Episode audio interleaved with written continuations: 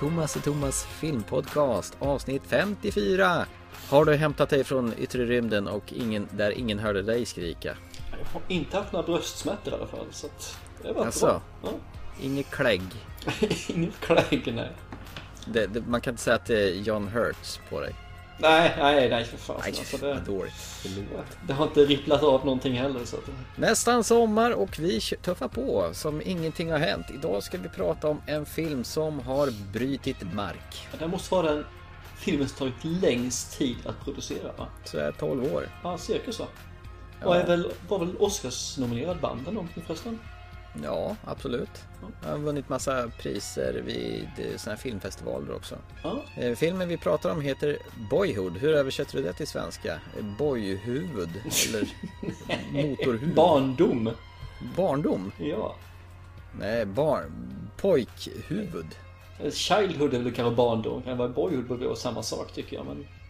Ah, vi får googla på det tror jag. Ja. Den här filmen är från 1900, höll jag på att säga. Den är från 2002, eller förlåt, 2003. Nej, förlåt, 2004. Nej, 25, nej, 2003. Den tog 12 år att spela in, så den är inspelad mellan 2002 och 2013.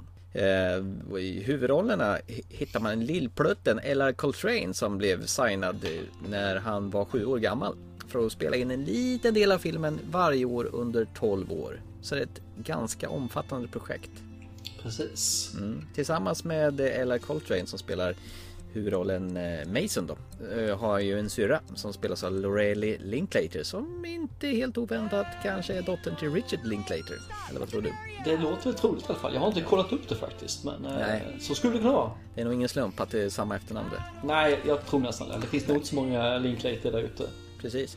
Ganska basic handling. Det handlar ju om de här två syskonen som man, de skildrar ju uppväxten från sina separerade föräldrar. Som gestaltas av Ethan Hawke på ena sidan som det är den slarviga slarvputten och den mamman som spelas av Patricia Arquette som försöker hålla ihop med ordning och regler och så vidare. Precis, ensamstående mamma som ska läsa, ge klart sina studier. Vad handlar det om förutom detta? Du, du sa ju ungefär vad det handlar om. Nej men det är väl lite grann det här att eh, han, eh, Ethan Hawke och Dad, som han kallas faktiskt i filmen här, han har inget namn. Så eh, han kommer tillbaka från Alaska efter att ha varit där i x antal år och vill nu egentligen ta del av sina barns liv. Första delen av filmen handlar väl mer om hur han vill komma in och bli en pappa igen, igen då. Hon har väl i sig problem med att hon har väl dåligt karttycke om man säger så. Hon har väldigt dålig karttycke. Ja, hon träffar på eh, alkoholister och hela köret. här. Hon Det ena svinet större än den andra. Så att den första delen av de små är ju lite grann eh, familjedrama kan man väl säga egentligen va. Där just de, eh, hon får en alkoholist som är schysst i början och helt plötsligt börjar bli en riktig diktator och eh, väldigt våldsam. Bara vara så här äckligt eh, våldsam och vid middagsborden och psykare. Ja, lite grann. Ja, precis. Verkligen trycker ner dem. Jäklar vilket svin det var. Jag hatar honom verkligen in i minsta fiber i kroppen. Det värsta är att jag kände igen han ifrån någonting. Så jag var tvungen att kolla vad han har gjort för någonting. Han Jag tror, vet du vad jag skulle säga? Jag kände igen honom i mig själv. Så där brukar jag också vara mot mina barn. Det skulle aldrig säga för då kommer socialen hit. Jaha, du menar så? Ja, visst. Okej. Det är alltid någon lyssnare som kommer anmäla mig såklart. Ja, jag, klipper bort det sen. Så Ja, det, det låter bra det, absolut. Ja. Jo, Nej, och det känns så väl att han måste jag ha sett någonstans. Och jag har sett en film av honom, eller sett kanske flera filmer, men framförallt är det då Sin City, ettan som har varit med. Men jag visste inte att han hade gjort den eller någonting där. Eller, Mhm. så här, men han hade ett ansikte som jag kände igen, men det fanns inget. Jag hittade alltså ingenting om honom, vilket är väldigt frustrerande måste jag säga. Men han var ett svin i alla fall. Riktigt eh, lysande. Ett riktigt lysande praktsvin. Ja. Som hade egna barn också. Så de flyttar väl egentligen ihop med Masons mamma och, och, och Masons syrra då. Och tillsammans med sina barn. Så de lever ju där några år tillsammans innan terrorn blir allt för stor. Ja, hon snor sina barn därifrån. Men hans barn får ju stanna kvar. Ja, det, det som är lite spännande med den här filmen. Du får väl aldrig riktigt reda på vad som händer med honom och hans barn. Nej, och jag är lite så ambivalent i detta. Är, Ja. är det bra? Är det dåligt? Precis, för de får ju leva i, i samma terror med en alkoholiserad pappa. Ja. Och man får aldrig något riktigt avslut vad som egentligen hände med dem. Nej, jag vet inte. Jag kände att jag ville veta det faktiskt. Men jag vet inte om det skulle tillfört filmen någonting. Jag såg den här i två omgångar, eh, dela upp den i och med att den var så våldsamt lång den här filmen, nästan tre timmar. Eller 165 minuter. Eh, Och det var faktiskt det första som min sambo reagerade på när filmen var slut. Vad hände med eh, alkopappans ungar då? Ja, det är en intressant tanke tycker jag. Nej, jag håller med. Det, det, det skulle varit något, men jag vet inte om det tillför filmen för är, de är liksom bara en, eh, Ja, en B-story de- om man säger så. Ja, det är egentligen inte dem det handlar om. Å andra sidan så är det ju rätt mycket folk och det är väl aldrig fel att ha flera lager med flera... Fast det, blir en, det är ju som sagt en rätt lång film alltså. Ja. Och ska man lägga till sådana grejer, då är den helt uppe i fyra timmar snart. Då är vi Ben Hur-varningen. Och det blir lite lösryckt så här, i och med att det är inspelat några delar ja, per år med de här skådespelarna. Så det blir ju inte riktigt en följsam tråd genom hela filmen tycker jag. Alltså, jag tycker det är nice för man känner ju igen personen för jag tycker Ja. det är rätt så mysigt. Man, för, för varje steg hon tar så ser man liksom att det är personen, samma pojke som var från början men lite äldre. Samma pojke, lite äldre, samma pojke, Mm. lite äldre. Det är ju inte det här som man får, nu har vi pojken fy- fyra år, nu har vi en ny som är pojken eh, 12 år, som är en ny skådespelare. Utan jag, jag tycker om det här sättet Ja, men faktiskt. visst är det så. Det är ju ganska unikt. Jag tror inte jag har varit med om att detta har skett i någon tidigare film någonsin. Nej, jag tror inte det heller. Så att det var, Allt från när han sitter där bakom någon husvägg och bläddrar i underklädstidningen och tittar på eh, tuttar. Man får sen utvecklas och surfa på nätet ja, och titta Ja. fortfarande på tuttar. Ja, och sen röka på på fester och försöka ligga med en tjej i baksätet på sin bil och klämma på hennes tuttar. Ja, det är tuttar överallt. Nej, men det, det är lite så här småkul just det. Som jag säger, det utvecklar sig från att det, han är då, jag vet inte hur gammal han är, sex år? Eh, ja, år? sex års ålder, ja precis. När han börjar skolan vid sex års ålder fram tills han kör sin första dag på college. Det är Ja. väl under den tiden man följer honom. De här hoppen går ju oftast, så man får ju se liksom, eh, det, det blir ändå lite hopp i vissa fall. det försvinner några år ibland känns det som. Men sen kan man dela upp filmen känns som i flera delar. Den första är det är den här eh, familjedramat man får med, mellan exet och henne och sen hennes nya kille och henne och barnen och hur det blir då. Och sen när hon går vidare då och de börjar vä- växa upp. Och då får man ju med det här tonårsstuket på det. Problemen som är med det här, de, han vet inte riktigt var han vill någonstans, eh, var han är eller vem han är. Hittar sin roll i livet. Samtidigt så finns då hans pappa med där som jag tycker är helt underbar Ja. presterad. Alltså. Och han har ju inte hittat sin roll i livet från början heller. Nej exakt, han har ju samma bekymmer. Det enda han vet är att han vill Han vill ha en bra relation med sina barn och vill att de ska kunna öppna sig mot honom och han försöker då göra samma sak mot dem på sitt sätt. Ja, han är ju väldigt noga med att de ska prata med varandra liksom och Ja, ja, vad gjorde ni i skolan då? Ingenting. Nej, men och verkligen starta igång dialogen så att de själva För- tänker efter vad de säger. För det är det filmen tycker jag som är underbar för de har underbara diskussioner. Det, det känns liksom som att det, det är nästan lite Tarantino-aktigt fast ändå inte givetvis. För det är inte, men, det är inte meningslösa dialoger men Nej, de här långa dialogerna som finns. De, han, han eh, Masons pappa då, alltså Ethan Hawke. ja, Jag tror han heter Mason han också, senior Ja. och sonen heter Mason junior. Säkerligen. Ja, och det är ju en konflikt de har tillsammans. Det är ju han, den här bilen. Ja, han har ju en sån här gammal, är det Corvette han har va? Ja, som är värd en väldans massa pengar. Men han säljer ju den där när han skaffar sig en ny familj och eh, skaffar sig en, egentligen en, ja, en stor familjebil istället. Ja, Station Wagon. Ja, och då blir ju sonen skitsur för han hade ju lovat att han skulle få den på sin 16-årsdag. Och det kommer ju inte pappan ihåg alls. Nej, och det finns inte med i filmen heller faktiskt han har gjort det. Så att man får, Nej. får inte reda på om det är sant Nej, eller om inte. det är sant eller inte. Nej. Och det är också en rätt intressant vinkling. Och det är en väldigt kort sekvens. Men... Ja. Man ser ju nästan hur, hur besviken sonen är där. Ja. Medan pappan sitter där och skruvar på sig. Har jag sagt det här? Eller inte. Ja. Eller kanske. Men Ethan Hawke han är ju fantastisk i den här filmen tycker jag. Ja, han sköt sig riktigt han, Hans karaktär utvecklar sig också väldigt mycket att vara den här eh, klassiska helgpappan när de ska träffas första gången. När liksom han, Ja, typ McDonalds. McDonalds, det är kul hela dagen och det är presenter. Bowling. bowlingen, precis. Ja. Nej, men tills han blir den här som verkligen tar ett steg in i deras liv. Mm. Och blir den här föräldern som de verkligen behöver. Och, eh, nej, jag tycker om det där. Alltså, det, det enda som jag faktiskt tycker inte växer med filmen, det är Mom. Patricia Arquette. Ja, hon eh, går ju in i en, eh, vad ska man säga, en återvändsgränd nästan. Ja, Hon det gör ju sina så. taskiga val hela tiden. Och sen, jag tror väl det är det som kanske är lite meningen att pappan ska utvecklas från att vara den här barnsliga till att ta ansvar när han skaffar sig en familj som han trivs med och så vidare. Medan mamman hon, hon gör felaktiga val gång på gång på gång på gång.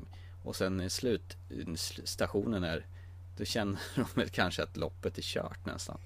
Ja, hon, men det är ju den här eh, 40-årskrisen eller 50-årskrisen kanske det blir. När hon känner Is this all? Det, det är visserligen gott i det med, men det känns Ja. som att hon utvecklas inte karaktärsmässigt på något vis. Nej. Det, det Och det vill jag inte förringa Patricia Arquettes eh, rollprestation. Nej, absolut riktigt bra inte. också alltså. Jag tror hon var nominerad som bästa kvinnliga biroll för den här filmen. Under Okej. Oscarsgalan Ja. faktiskt. Så ord, hon gjorde bra ifrån sig då. Ja. Eh, Det är ju spännande. Ungarna är, man vägs ju väldigt väl när de växer upp. Eh, Medan Ethan Hawke och Patricia Arquette, det är ju fortfarande 12 år.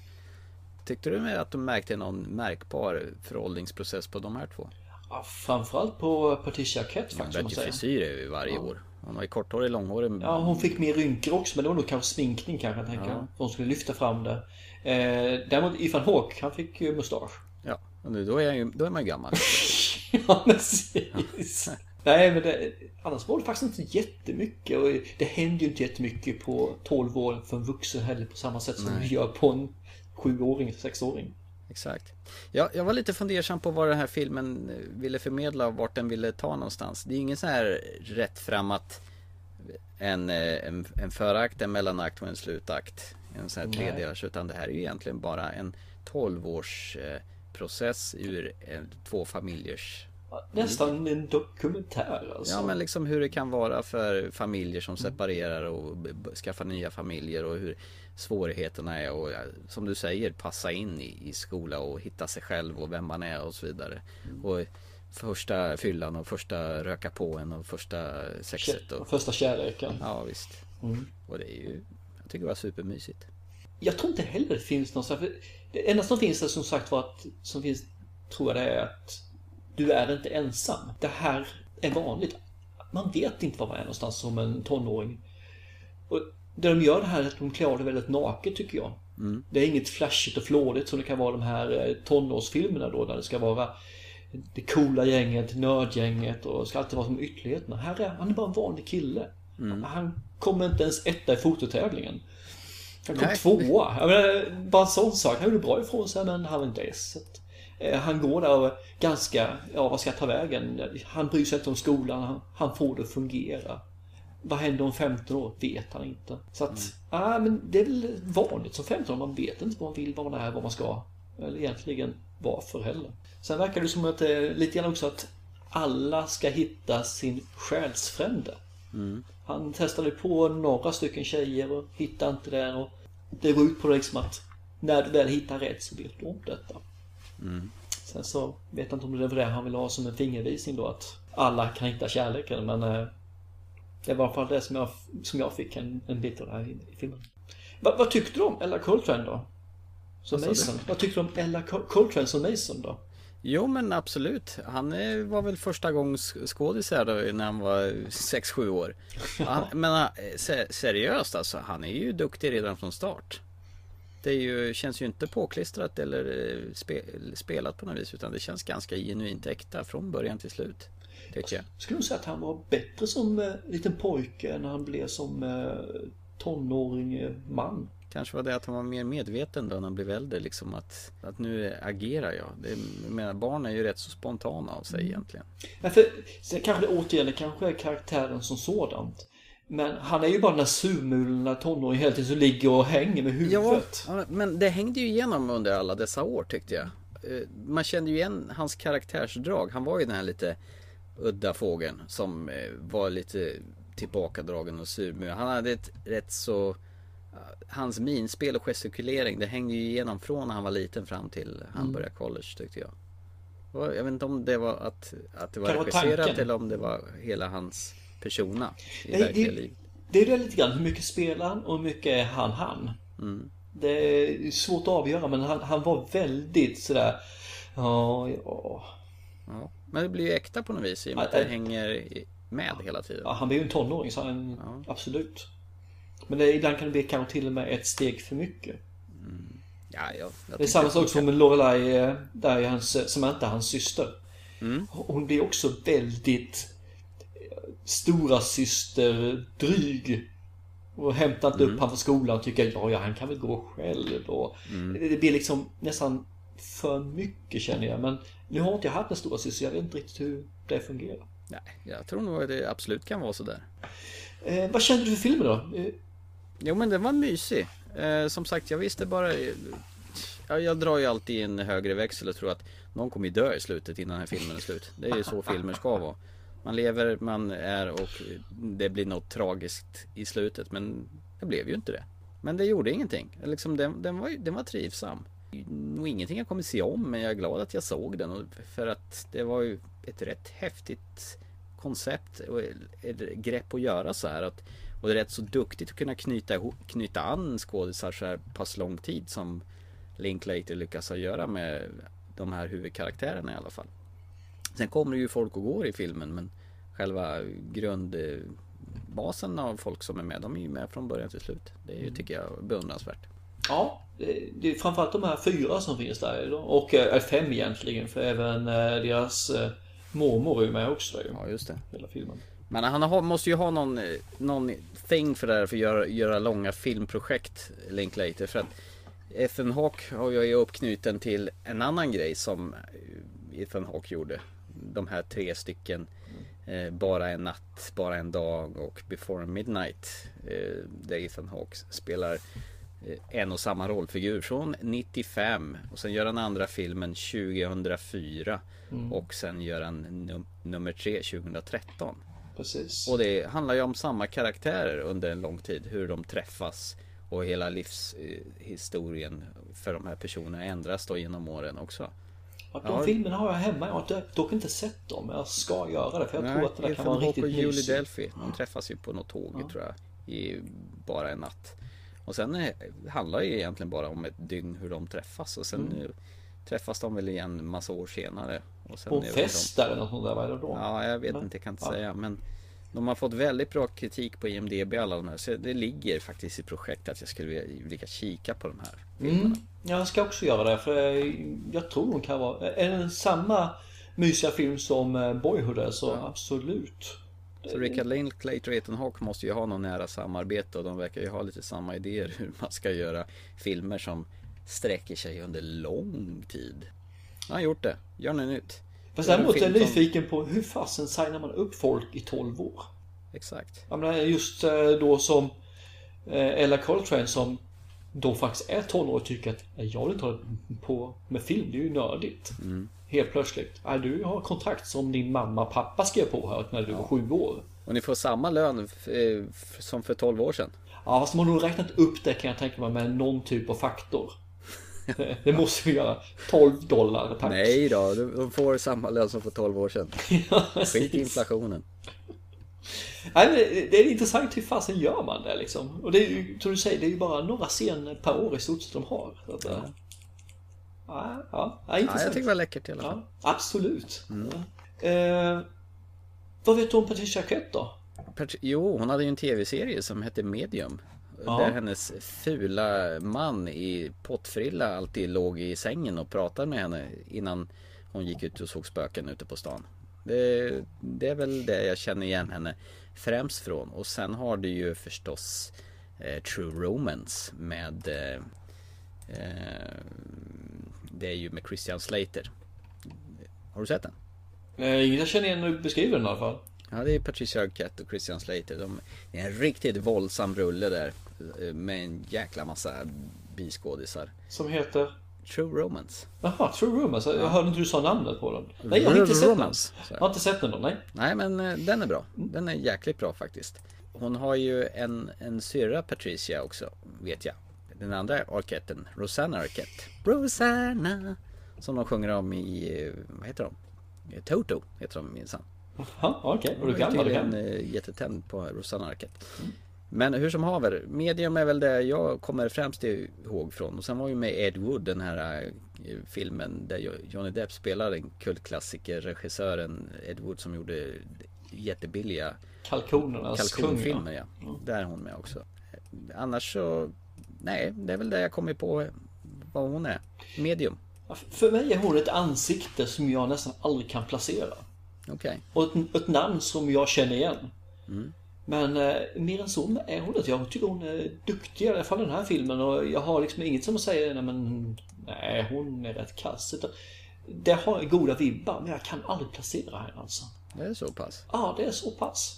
Tyvärr får jag säga faktiskt. För det hade varit jättebra om jag kunde få bort den lilla egenheten. Tråkigt. Ja, tråkigt för både henne och mig kanske. Eller mest för mig. Hon bryr sig nog inte så jävla mycket. Jo då, nu kommer de liksom ringa dig. Hallå! Jag fick ju faktiskt Oscars nominering här nu och du vet inte vem jag är. Men du känner igen mig? Ja. Men Ethan Hawke då? Ethan Hawke?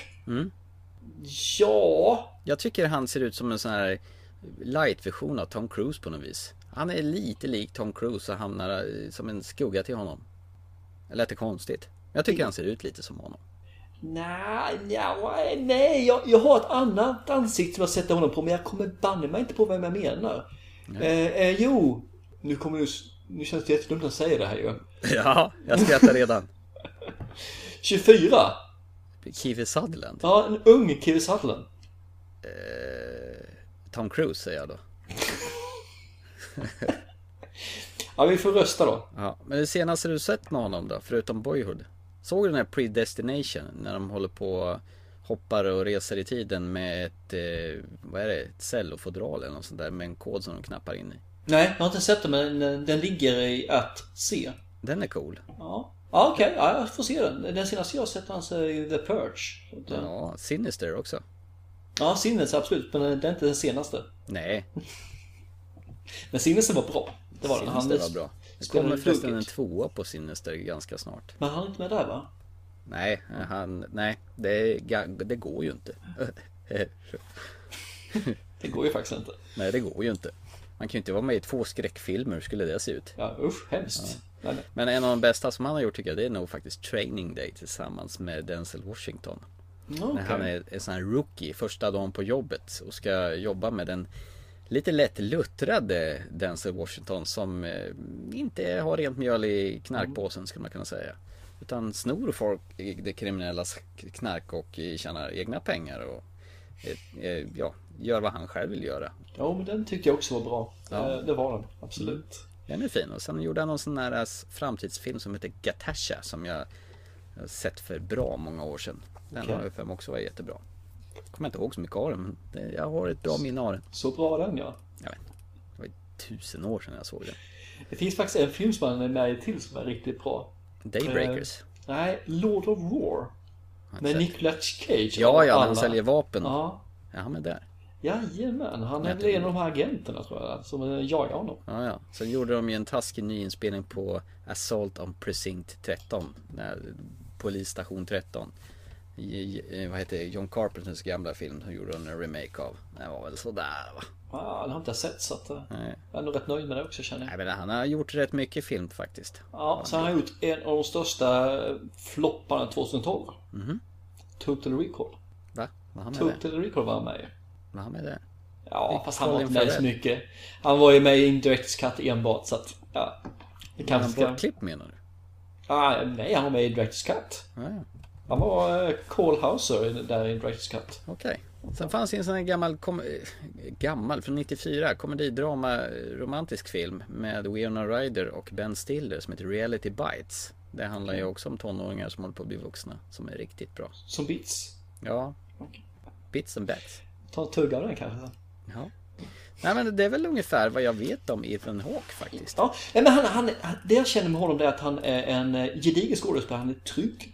När man ser honom. Han, jag tror inte han gör något så här utöver det här extraordinärt. Men han gör alltid bra grejer när han står där liksom. Ja, Han, han levererar. Eh, sen tycker inte jag han är en av de bättre skådespelarna. Och jag vet inte hur mycket, vilken bredd han har heller egentligen. Mm. Han har gjort rätt många olika typer av filmer. Men karaktärerna känns som att eh, Ja, jag vet inte. Han ska ju vara med i en nyinspelning av eh, de här eh, The Magnificent Seven.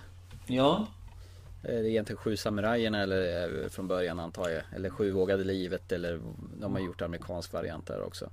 Men det kommer någon ny variant och det har du ska sett eh, samurajfilmen på den? Nej, det har jag faktiskt inte gjort. Den ska du se. Akira Kurosawa. Mm. Den ska du faktiskt se för den är riktigt bra. Mycket bättre än Sju vågade livet. Okej. Så. Ja. Nu är den gammal men eh, den fungerar fruktansvärt bra. Mhm. Svartvitt, absolut. Men han har ju filmteknik och, eh, som är lysande faktiskt. Hur gammal är den där filmen då? Oj! Hundra eh, år tillbaka. Nej, men vad kan det vara? Nu får jag tänka lite grann här ju. Men det är ju säkerligen någon... 1954. Slog du upp den nu? Nej, varför tror du det? Jag bara kunde det i huvudet. Yeah, klart jag slog upp right. Det är Sju samurajerna från 1954. Jag tänkte säga 50-talet så jag hade mer rätt än dig. Ja, okej. Nej men... Eh, ah, han står där och slår upp saker. Fult. Förlåt. Ja, sånt gör vi inte. Jag kan inte allt. Låtsas. Ja. Nej men han, han, har ju- han har ju fler filmer som är bra faktiskt. Nu kan jag inte ta och sätta någon Akiro-film till på sådär direkt. Men han har gjort mycket filmer framförallt. Så att, Ja, jag hade Filmnet en gång i tiden. Var det någon film som hette Ran, eller RAN bara. ja. Och det var nog också en sån här samurajfilm från, ja det är nog mycket senare. Men jag har för mig att det är en Akiro Kurosawa-film där. Okej, okej. Ja. Nej, mm, jag skulle tänka mig att se mer av honom så sätt. Han är väl fortfarande produktiv till och med alltså. Äh, gamla gubben. Han dog 1998. Ja, då var han säkert ännu värre. Eller ännu värre. Han Var är ju säkert- lik nu. Han rik- gör likgiltiga filmer numera. Vad fasen, men jag tittade in på honom för länge sedan och det står liksom att han...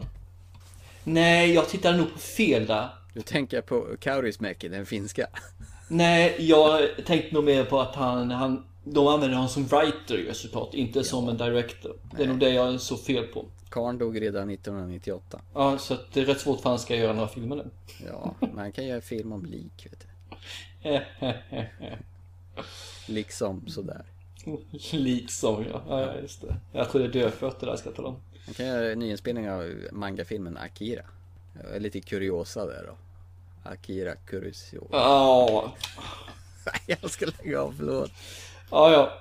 Vi, vi lämnar det tycker jag. Vi lämnar Akira eh, Kurosawa med hans debutfilm Sugata Sanshiro. Och den här gången så har vi kört lite eget, lite nytt ju. Vi har bara en film. Ja, visst. Vilken eh, chock! Ja. Och ska jag tala om, nu verkar jag har ju verkligen spårat totalt ut, eller spårat ut från filmen Boyhood, men jag känner mig rätt så färdigpratad om det faktiskt. Va, vad pratade vi om? En lång film, 12 års film. Ja, just det. Så var det Men eh, du hade lite annat gött som du ville delge Men du, först. Vi Va? har fortfarande frågan som ska ställas. Värd Ja. att se eller inte? Ja, absolut. Det här är ju värd att se, men inte om du är den, den äkta f- actionälskaren som eh, gillar eh, två timmars våldsamheter. Då, då, då kan du avstå. Men vill du ha en film med ganska mycket igenkänningsfaktor, en film fylld med eh, värme och eh, vad, vad jag kallar för pojkhuvud. Motorhuvud. Precis, pojkhuvud. Nej men den här är smaskens. Jag tyckte den här var trevlig. Och det var bra musik genom hela filmen också. Bland annat Coldplay har stått för en del av soundtracket. Jag undrade just när du skulle ta upp musiken.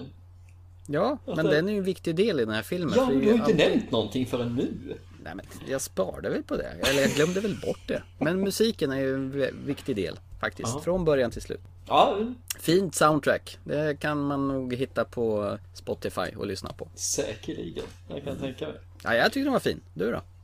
Nej, Jag tycker det är en mysig film. Eh, Första delen av filmen är jag faktiskt mest fascinerad av. När de eh, får den med pappan och eh, mamman och barnen tillsammans. Den tyckte jag var helt lysande. Jag fångades med en gång och bara kände jag vill fortsätta se. Se vad som händer. Hur, hur ska det utvecklas? Nu ska vi se vad vi får. Filmen är inte sämre sen. Den, den blir annorlunda. och Jag säger bara att första delen tilltalar mig mer. Men eh, den är värd sina 160 minuter alltså. Ja, ja. Den, det, se den och det gör inget om man... Det ger sig rätt så bra i film om man delar upp den. Här kan man dela upp den, här kan man dela upp den. Och det går att dela upp den kanske en tre, fyra gånger om man Ja, ja. utan att det förstörs. Ja, vi såg den i två tillfällen för det blev lite sent att trycka den här i ett bräde. Mm, jag gjorde faktiskt samma sak så att, det blev lite sent för mig, punkt. Mm. Att, Så! eh, en fråga till. Jag ska vara elak mot dig fortfarande. Varför ska du inte se den här filmen då? Varför vi inte ska se den? Ja, visst. Varför ska du, gå in, varför ska du trasha den här filmen? Nej men det är ju som jag sa, om du, om du är helt ute efter annat än ett eh, familjedrama då bör du inte glo. En tonårspojke som tycker Ja, en- Maze Runner är den bästa filmen Ja, någonsin. om du gillar Maze Runner och du gillar Twilight och sånt där Hunger Games, då... Nej, titta på något annat. Okej. Du får se Maze Runner 2 som kommer här sen. då. Ja, usch ja. Fy. Nej, eh, du nämnde någonting. Att jag hade lite grann. Jag har faktiskt ett par filmer jag vill ta upp kommande. Mm. Som dyker upp här i år. Oh, det kommer rätt mycket film i år, ja. Ja, det är framförallt är det en i juni och Jaha. en i september. Okej. En med en fruktansvärt stor skådespelare och en med inte så stora skådespelare. Är Dvärgar du menar? Willow, nyinspelning? Typ. Nej, det är Peter faktiskt ton, Dinklage spelar tonåringar i en film och det är äldre män i andra. Eh, jag har, sett, jag har stött på det här faktiskt via en eh, trailer, båda två filmerna. Och den första filmen är Me, Earl and the Dying Girl. Me, Earl and the Dying Girl. Ja. Eh, Jag såg trailern och jag bara... Jag, jag fångades in i den filmen lika mycket som jag fångades in i... eh, Ja, vad fasen heter han? Ja, den var bra. Hawkins-filmen. Eh, Ja, ja. Vad heter den? Theory of Everything. Där har du den. Jag fångades i den med när jag såg trailern på den. Och det är samma sak här. Så det är liksom en kille som håller på och gör... Ja... Hembränt? Det är film, gör han faktiskt. Jag tror du skulle säga Moonshine. Men han gör liksom filmer som inte betyder något. Han tar som sekvenser i filmer, riktiga filmer och gör dem till något helt oväsentligt, lajigt, blajigt som inte betyder någonting. Och tjänar, eller får mycket tittare på det på YouTube då. Och så har han hans kompis då Earl som gör det här tillsammans med honom. Sen stöter de ihop med en, med en tjej som då har cancer. Och det, hon är då the dying girl. Surprise. Och det jag såg där, jag fick en sån underbar känsla. Alltså, Det handlar om tonåringar men det är en vuxen film. De vill verkligen göra någonting. Som man får se i trailern så vill de göra en film för henne. Och de har ju inte aning om hur de ska göra. För de kan inte göra en sån här blajfilm. Utan nu måste de göra en film som betyder någonting. Jag tyckte om den här integreringen hur de eh, får ett förhållande till varandra. Alla tre liksom, en triangelförhållande. Men seriöst, det låter ju nästan som att du har sett hela filmen. Nej, det här det är bara trailern där alltså. Wow. Ursäkta, men det här, det här är känslan jag får. Alltså, det är inte filmen, utan det är känslan jag får av filmen när jag ser trailern. Jösses. Och hur filmen är sen, det kanske är trashig, vad vet jag, men trailern är klockren alltså. Jag tycker text, eller titeln var ju rätt fyndig. Me, Earl and the Dying Girl. Det rimmar ju till och med. ja. Earl, Så, Earl. så den ser jag fram emot. Och den kommer här nu i juni. I, eh, i USA i alla fall. Så får vi se när den kommer hit då till oss i Svedala. Man skulle ju kunna bygga på det ytterligare. Me and the Earl and the Dying Girl who hurled. Kräks. Det är komediversionen. där. Ja, ja, okej. Mm. Så, så den här skulle jag kunna tänka mig att och, eh, rekommendera till folk att se utan att ha sett den. Hur lät det? Ja, det, du får ju stå till svars för det här om du Jag liksom... vet det. Men jag gjorde faktiskt så här med Zero Theorem också och gjorde den på enbart på en trailer. Så den lyckas jag ganska bra med tycker jag. Mm, Zero Theorem var riktigt bra. Ja, jag säger det. Och den gjorde jag enbart på en trailer också. Mm. Och så ha, för att vara en kille som hatar trailers så är det helt okej. Ja, jag skulle säga det. Du brukar ju inte ens titta på trailers. Nej. Hur går det här ihop? Jag vet inte, jag gör undantag. Jag ser inte på trailers på filmer jag vill se. Den här, den här vill du inte se alltså? Ja, jag visste ingenting om det så jag visste inte vad jag ville se. Så då såg jag trailern på den. Men nu vill du se den så då kan inte du se trailern. Nej, jag är nog inte mer faktiskt. Jag har bara sett en trailer faktiskt. Skit. Nästa film som jag vill prata om. Den här kommer du verkligen älska något. Black Mass, har du talat om den? Black Mass ja. Ja. Yes. Har du läst något om den? Det är Johnny Depp.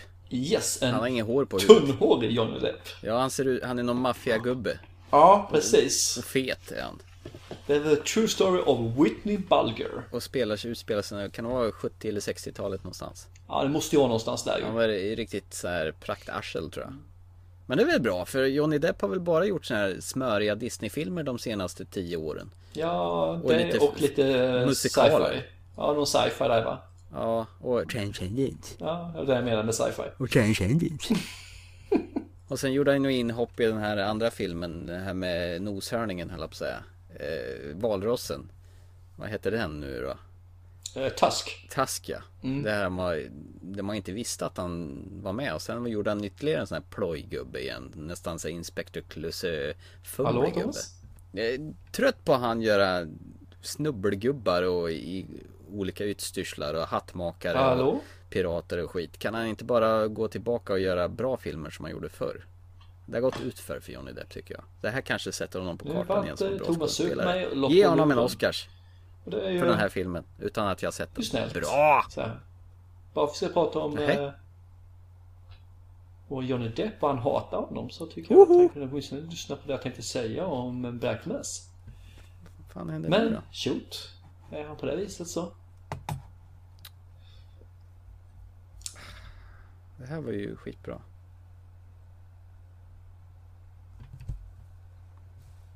Skit, skit. Ja.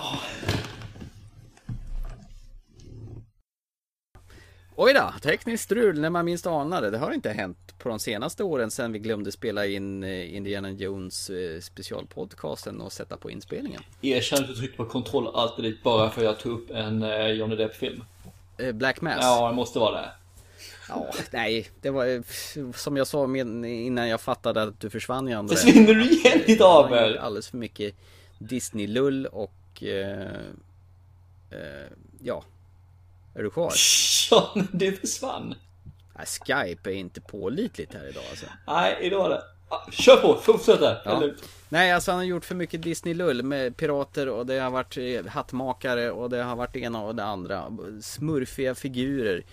Eh, task, eh, snubbelgubbe i Clouseau-stil. Ja, men Task tycker jag han gjorde riktigt gott. Nej, han var taskig. Nej, det tycker jag inte. Nu tycker jag du är taskig mot honom. Ja, men eh, seriöst, kan han inte göra tillbaka lite mer normala roller? Men har han gjort några normala roller? Eh, From Hell? Nej, den var lite paj i den också. Han har inte gjort någon normal, normal roll någon gång. Det är inte hans film. 21 Jump Street. Ja, men det var väl ingen normal film heller. Det var en tv-serie för tusan. Ja, men det finns inget normalt med honom. Han, det är ju hans finger att inte vara normal. Transcendence, det var bara tråkigt. Ja, du tyckte den var rätt kass. Men eh, den var inte bra. Men, Nej. du, tillbaka till min film! Ja, förlåt. Skit. Black Mass. Black Mass. Det är ju som att säga, han är då eh, en gangster. Och han är väl fortfarande också en... Eh, har väl en broder som är en senator samtidigt också. Så det kan ju vara lite intressant. Det är based on a true story det här vet du. Jo. Eh, det här jag såg i den här filmen framförallt är när han äter middag hos en, eh, en person, jag vet inte mer än så. Och han ställer frågan, oh det här är den bästa stek jag någonsin ätit. Lite The Mexican över det hela va? Ja, ja, ja. Då måste jag döda kocken, eller Ja, precis. Och han frågar, vad är hemligheten? Vad, vad, vad har du gjort för någonting? Och han säger, nej det är en familjehemlighet, det kan jag inte berätta. Ja, kom igen, berätta, det är det bästa jag någonsin ätit, du måste berätta. Ah, så sitter han och flinar och han berömmer steken eh, bra länge och är väldigt, eh, ja, flamboyant när han beskriver hur god den var. Och då berättar han ju vad det är för någonting. Då är det någon krydda och så lite sojasås då, sa han. Mm. Så säger han då, då är han tyst och säger du berättade just din familjs hemlighet nu? Så vänder han på det då liksom att det blir en, eh, en rätt så trygg stämning med på att ja, du, om du avslöjar din familjs hemlighet då kan du ju avslöja saker om mig ganska enkelt också. Shit, Ja. utsätter de för lite psykisk Lite terror. sådär psykologisk och eh, psykopatvarning här va. Och det är lite grann det jag tyckte, ah, Johnny Depp som psykopat. Mm, tilltalar mig. Ja, det kanske du gör. Ja, varför Och så har han nog satt på han ett par iskalla linser, sådana här blåa linser, så han har blåa ögon. Och s- smickrat upp hans sminkningen, ah, sådär. Men gammal, sliten, lite sådär. Äh, me like, jag tyckte om stämningen i filmerna. Så det. Och sen så blir det inte sämre av att eh, Benedict Cumberbatch är med också. Nej men, Exakt. är det han som spelar hans brorsa eller vadå? Nej, det tror jag inte. Skulle kunna vara. Skulle kunna vara. Absolut. Det kan det vara. Jaha. Det, det har jag faktiskt inte tittat efter. Jag vet bara att han är med. Och så har vi den eh, godaste skådespelaren i hela Hollywood som är med. Jaha. Kevin Bacon. Kevin Bacon. Ha, crispy. Så att det, det finns liksom där, det finns potential. Kevin Bacon har gjort riktigt. Han gör ju um, små roller oftast, men han gör ju oftast de här sviniga rollerna som jag verkligen älskar. Jag hoppas han gör det något liknande här också. Ja, sista jag kommer ihåg honom, det var väl den här tv-serien The Following. När han spelade någon FBI-nisse. Som Ja, någon la ner efter två säsonger tror jag. det kan nog stämma ja. Ja. Jag kommer inte ihåg var jag sett honom. Jo, R.I.P.D. såg jag honom, just det. Just det. Den vill jag glömma, tack så mycket. Footloose. Nej, alltså den här filmen, den eh, fick jag också känslan av. Framförallt så tycker jag fortfarande att Johnny Depp kan mer än vad han gjort de senaste fem, sex filmerna. Han har nog gått efter störst lönecheck kanske. Ja, lite grann så känns det som att det har blivit alltså. Och så har han gjort och Same och det med som The Lone Ranger när han är Tonto där. Det är ju Pirates of Caribbean igen, i en annan skepning bara. Så att, Kråka på huvudet. ja, Dark Shadows har jag faktiskt sett så det kan jag inte säga någonting om. Ja, där är han en vampyr som har legat nergrävd Ja. och så råkar de gräva upp honom så kommer han hem till sitt slott och där ändras lite grann sen han var runt. Ja, men den var väl okej. En Tim Burton film, inte den bästa och inte den sämsta. Ja, på tomgång. Annars är ju som jag, jag tyckte var bra, men jag vet att många som trashar den. Det är The Tourist ju. Har inte sett. Ah, Fortfarande. nej, inte- Men hon med herpesmunsåret. Maleficent. Maleficent med Angelina Jolie. Ja, äcklig. Ja, men hon funkar bra i den här filmen faktiskt, tycker jag. Du, får jag säga en sak? Ja. Äcklig! Men det syns inte i Maleficent, hon är sminkad Ja, man sliter av när horna. Ja, visst, och vingarna. Nej, det är vingarna hon slipper, inte honen. Ja, ja, hon är inte horny längre. Nej. Far flyg iväg någonstans. Köpa vingar för pengarna. Nej, så den här filmen den ser jag fram emot bara just för att se- se honom som en psykopat och eh, varför inte i en actionfilm också? Jag tror inte han har gjort en actionfilm på bra länge. Nej. Lite spännande. Det här avsnittet har vi egentligen inte pratat om några breda filmer överhuvudtaget. Visserligen är det ganska stora skådespelare men inga så här blockbuster sommar filmer vi har pratat om. Nej, och det tycker jag är rätt skönt faktiskt. Samtidigt. Visst är det så? Hoppas att ni lyssnare tycker det också. Ja. Apropå det. Eh, du hade ju kikat på den här filmen John Wick med eh, Keanu Reeves. Den största träbocken i filmhistorien. Mm. Som bara är född för att spela en roll och det är Neo i Matrix. Mm. Jag hade hört lite blandat om den här filmen. Har du sett den? Eh, Ja, nu har jag sett Okej. den. Du tyckte den var skit. Mm. Eh, Och eh, en arbetskamrat på jobbet plus en gemensam kompis till oss tyckte den var jättebra. Så jag tänkte, ja okej, 2-1 står det nu i ledningen Då alltså är till du- bra. Va? Då är du den som tippar vågen nu. Tänkte, det är ju inte alls Ja, det för lika. De vinner. Precis. Eh, Mikael Nyqvist var ju med, det var ju kul. Som spelar någon rysk eh, maffialedare som hade bångstyrig son. Som eh, tyckte att eh, John Wicks bil var fin. Den tar jag och så dödar jag hans hund. Så John Wick blir jättearg. Så han måste döda alla som finns i den här maffiabossens eh, bekantskapskrets inklusive sonen då. Och eh, sen var ju filmen slut och det var ju skit. Snor bilen, dödar hunden. Eh, Keanu Reeves blir arg, hämnar loss på alla. Dödar alla. Eh, skjuter alla på nära håll. Och eh, ser jättesur ut. Skit. Och det regnar på dem också. Fast inte bredvid. Man ser att regnmaskinen är på. Det här var, det här var den sämsta actionfilm jag har sett sen A Good Day to Die Hard tror jag. Förstår du vilken lättnad det här är att du säger detta? Hade du sagt att den här var bra så hade jag fått sluta den här podcasten ju. Ja men vilken monoton, tramsig actionsmörja det här var. Det fanns ju ingen finess överhuvudtaget i den här filmen. Det var enda var väl att Mikael Nyqvist insåg när loppet var kört att han eh, skrattade lite nervös och gav sin chaufför en pistol. Ja, ja, lycka till, gå ut och försök skjuta han då. Ja. Det var väl det enda som var någon, någon ljuspunkt med det hela. Tänkte du inte på det att han träffade alla med första skottet? Ja. Förutom när han var där i badet han skulle döda sin nemesis. Ja, Och då kunde han Den här missa han 14 slagsmålscenen skott. i slutet, där John Wick i värsta mördarmaskinen hade problem att bulta ner Mikael Nyqvist som inte ens var duktig på att slåss. ser en gammal gubbe. Nej, fy. Ursäkta språket. Fy fan vad dåligt det här var. Och ändå så är, kommer en uppföljare till den här. Va? Ja, det, det är på gång att de ska göra en John Wick 2. Och den här psykedelika technomusiken som bultar på medan han skjuter i alla, alla. Det ska vara jättetufft. Eh, Det bästa med att det kommer en John Wick 2 är att den kan inte vara sämre än ettan. Jo, det kan ju. Kan den? Ja. Ja, då är du ju all time low. jag menar uppföljare är ofta sämre än vad ettan. Det ska bara vara mer skjuta och mer våld och mer folk har ihjäl. Men tack Thomas, tack så mycket. Du, Jag ville bara att du skulle få lite feedback. ja, jag älskar det. Absolut. Så nu står det 2-2, så nu måste vi hitta någon mer som tycker den är jättedålig. Nej, jag tycker väl att eh, om vi två tycker den är kass så är det klart att den är kass. Som jag, det väger mer. Jag, jag väger upp två för dem, så nu står det egentligen 4-2 tycker jag. Ja, okej. Då så. Ska vi avsluta med de visdomsorden Det tycker jag. Absolut. Men vi hörs snart igen och till dess så finns vi fortfarande på vår Facebook-sida Thomas och Thomas Film Podcast och iTunes där ni jättegärna får gå in och prenumerera på oss. Trycka, gilla, prenumerera, skriva en kommentar så vi hamnar högre på iTunes, det gillar vi. Det tycker jag absolut. Och till dess, chip chip. Chip chip, ha det bra. Hej hej. Hej.